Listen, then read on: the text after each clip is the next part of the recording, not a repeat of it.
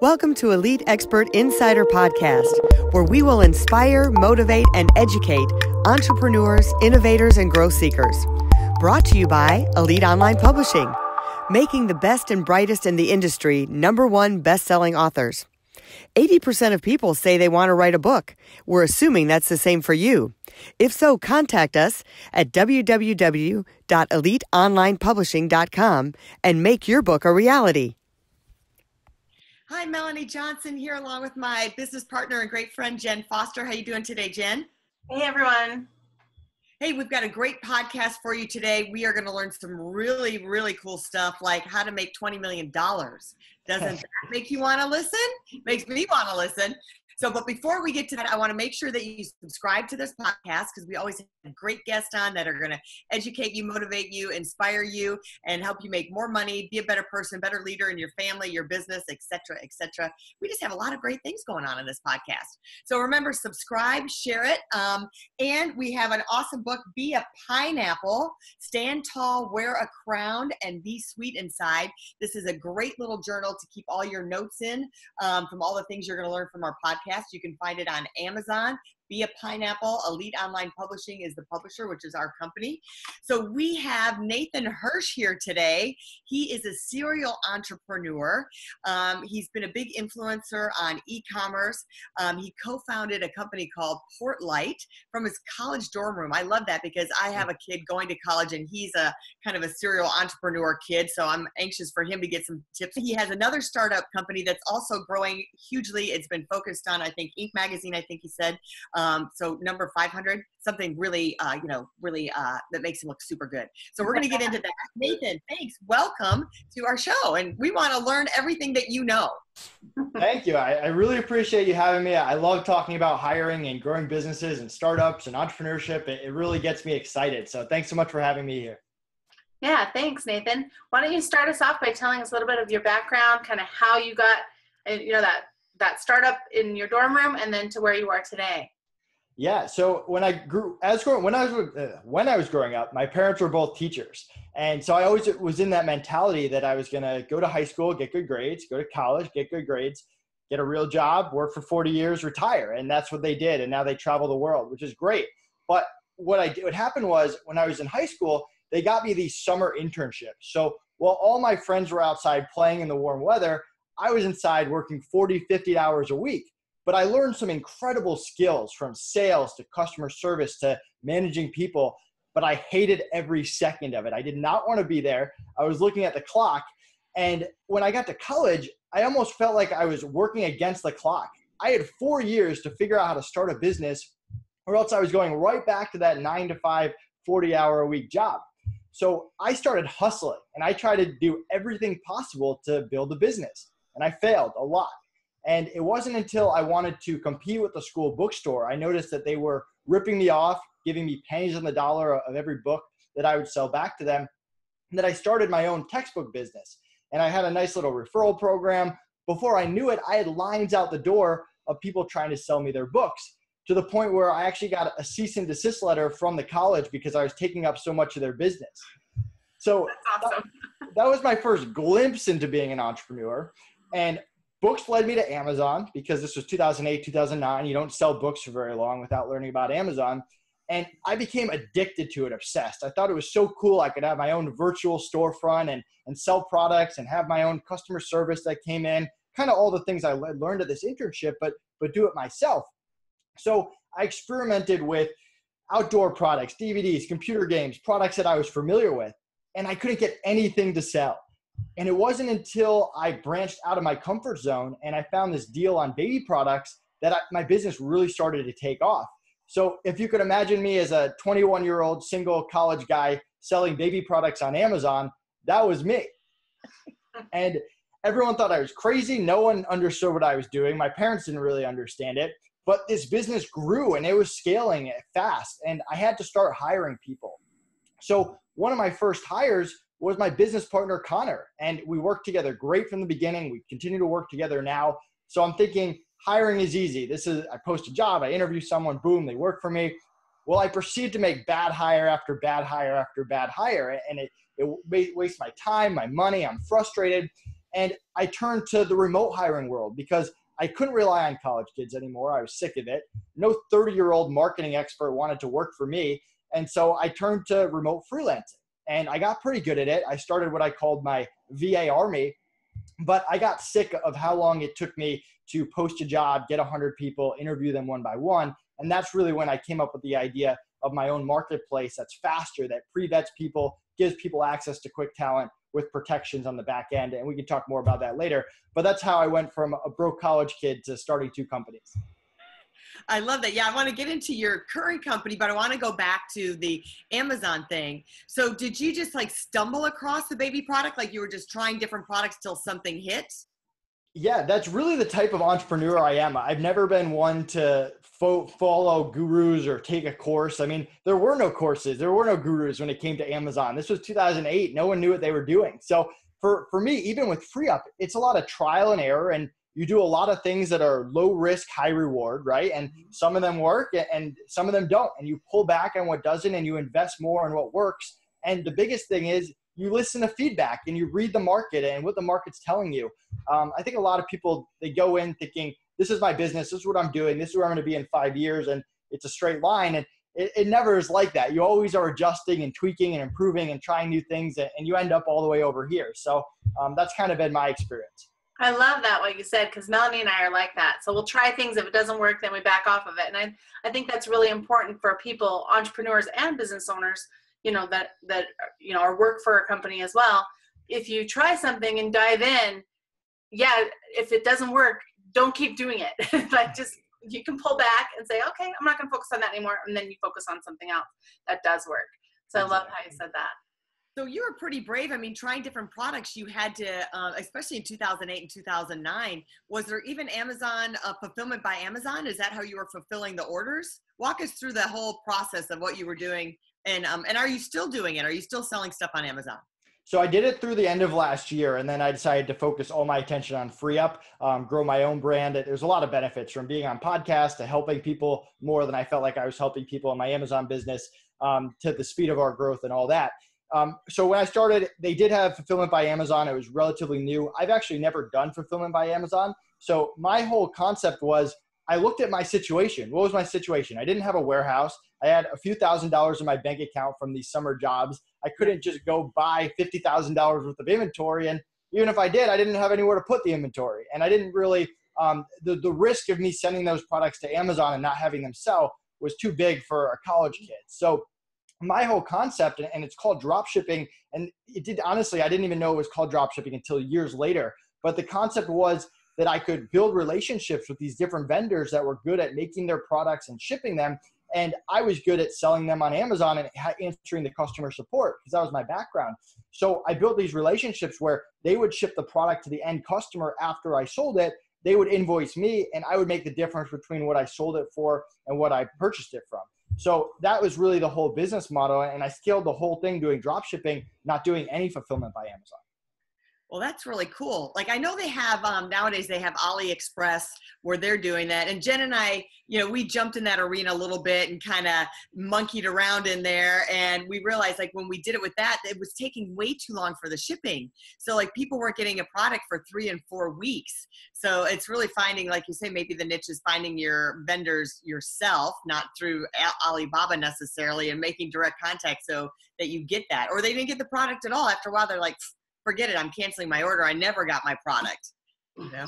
yeah, so we, we realized that pretty early on too. I mean, drop shipping is all about quality assurance and processes. And because you're never actually touching the product, you're only as good as your vendor and manufacturer is. So for us, we, we had to create some heavy vetting on who we would work with. Um, we had to test them out.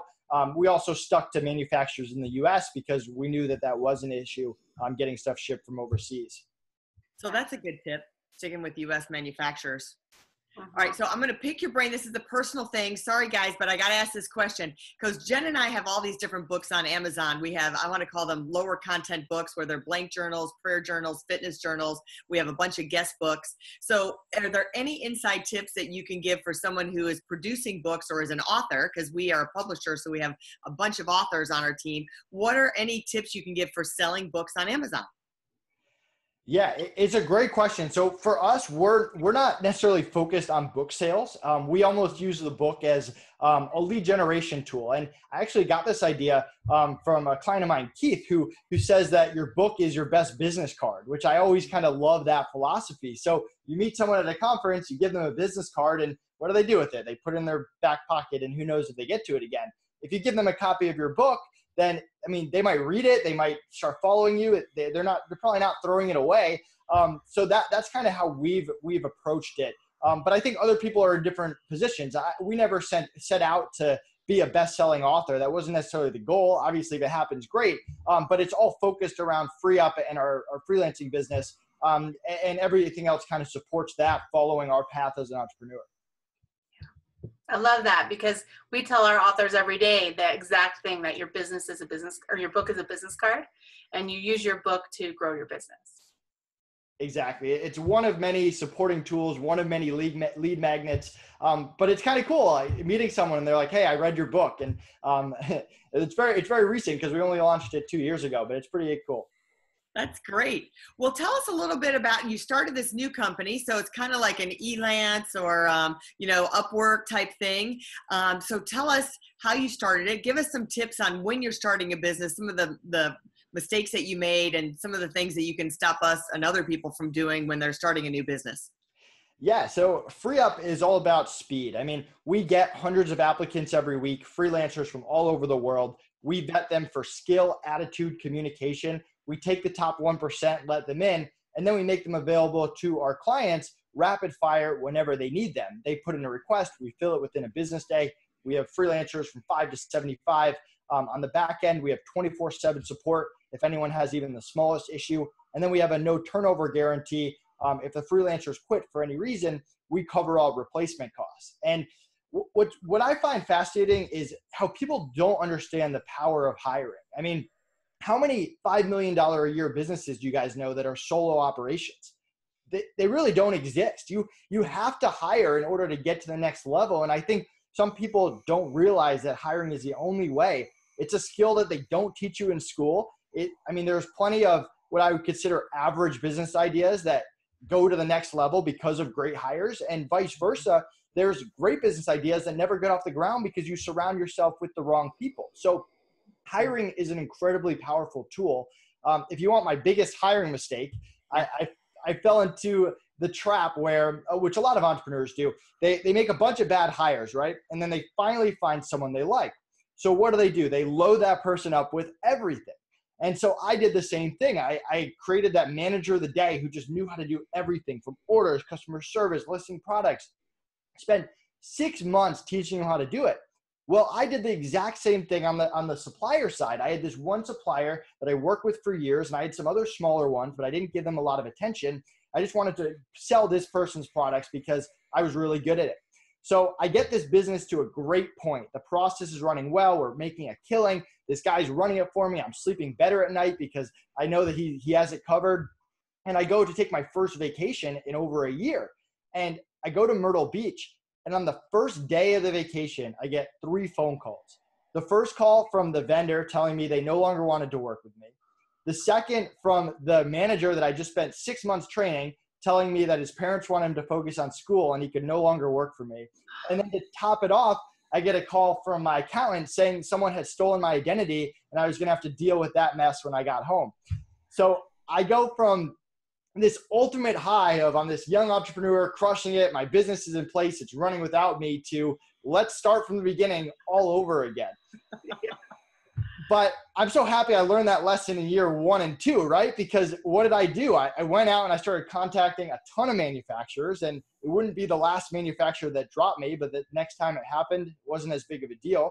And right. same thing for hiring. I departmentalized one person for customer service, one person for orders. So next time someone quit and people have quit on me after that it took days or weeks to replace someone rather than months. So that's just one of many lessons that i've learned throughout this process. Oh my gosh. Yeah that's that's uh, that's a really good lesson to learn.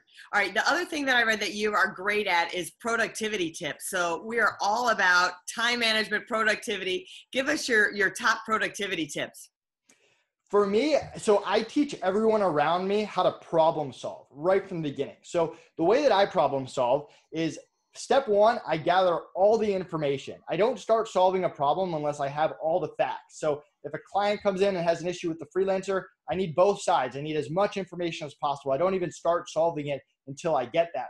Step two, I figure out what what manpower do I have? What resources do I have? So mm-hmm. let's say my software goes down on the weekend. Okay, what developers are available? How much money do I have? Um, what people are on? Who like what can I? What do I actually have at my disposal to help fix that problem?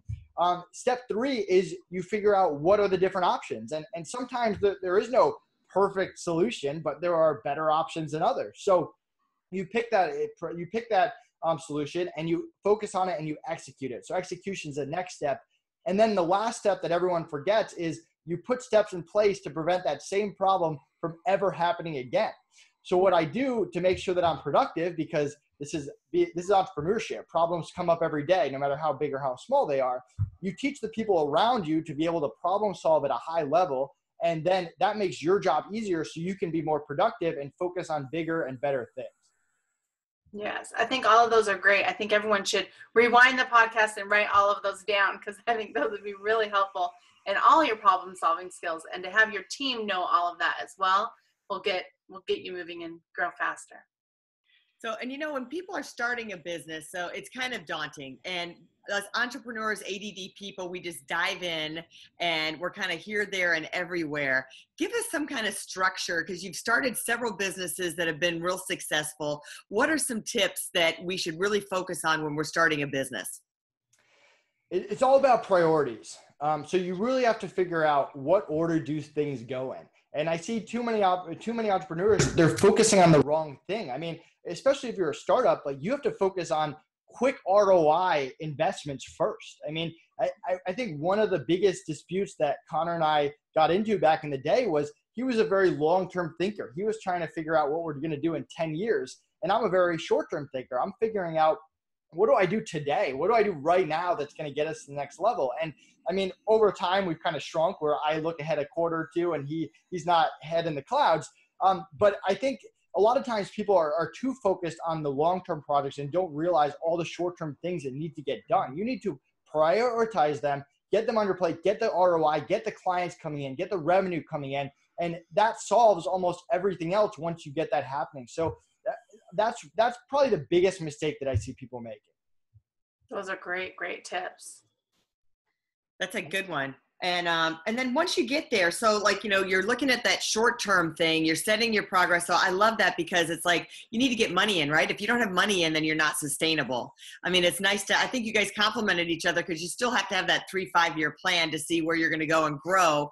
But it's good to be having those micro tasks that go um, within that as well so, um, so what do you think you should do when you're you're besides just doing that? What are some of the other main things that maybe you made mistakes when you started that you would say, hey, this is when you're also starting your business. Look out for this. You have a great hire you had mentioned. You know, have short term goals as well as long term goals. What are a couple other things? So back back when we were growing this business and we started to step on each other's toes a little bit and stall, we did this activity where out on our balcony for two hours, we just said, Connor, you're bad at this. And then he would just say, Nate, you're bad at this. And we just went back and forth, brutally honest. And, and it hurt a little bit. I mean, just having someone say to your face what you're bad at. But what happened was at the end, we had this list of everything we were bad at. And we, we realized we, compl- we complement each other very well, right? Which was great. We were good business partners. But we also had this list of all these things that we were both bad at, yet we were doing them every single week.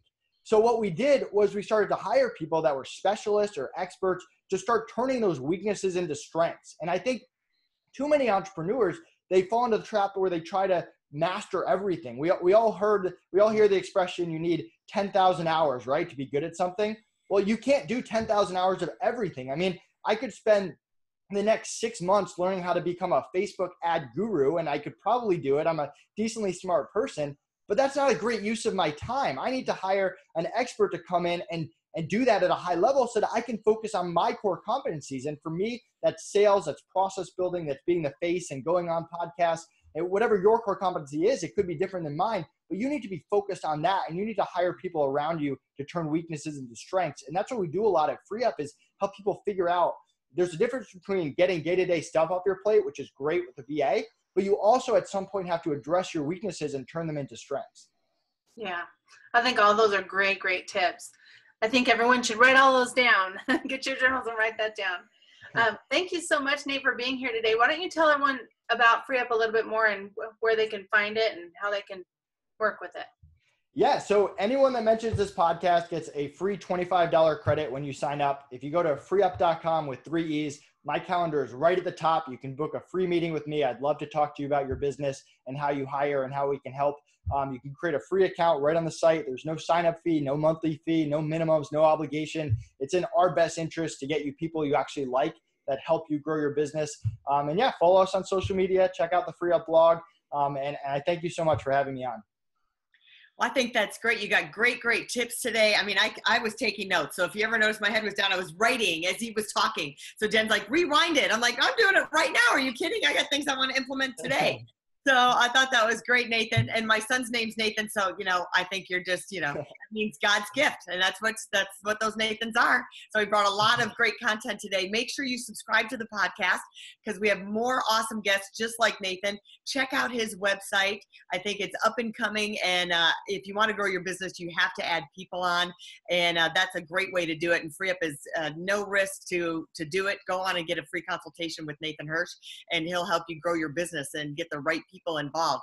So again, subscribe. I want to tell you, take those great notes and be a pineapple, which is available on Amazon uh, by Elite, uh, uh, Elite Publishing. And if you want to write your book and become a best-selling author, contact us at eliteonlinepublishing.com. Check out our website. We have over 50 authors who have become number one bestsellers, and we market their book and teach them, as Nathan was saying, teach them how to use their book to get more business and get more uh, revenue in and get more clients. That's what it's all about. Use your book as an advertising tool. So um, we look forward to hearing from you, and we'll see you next time at Elite Expert Insider Podcast. Bye. Thanks, Nate. Bye. Thank you. If you'd like to create the most powerful advertising tool for your business, contact us at eliteonlinepublishing.com, where we will help you create, publish, and make your book a number one bestseller and show you how to get new leads and more revenue for your business. If you'd like to check us out on our Facebook page, we have a free book for you as our gift. Just go and click free book. Remember to subscribe and leave a comment for our podcast. We would love to hear from you.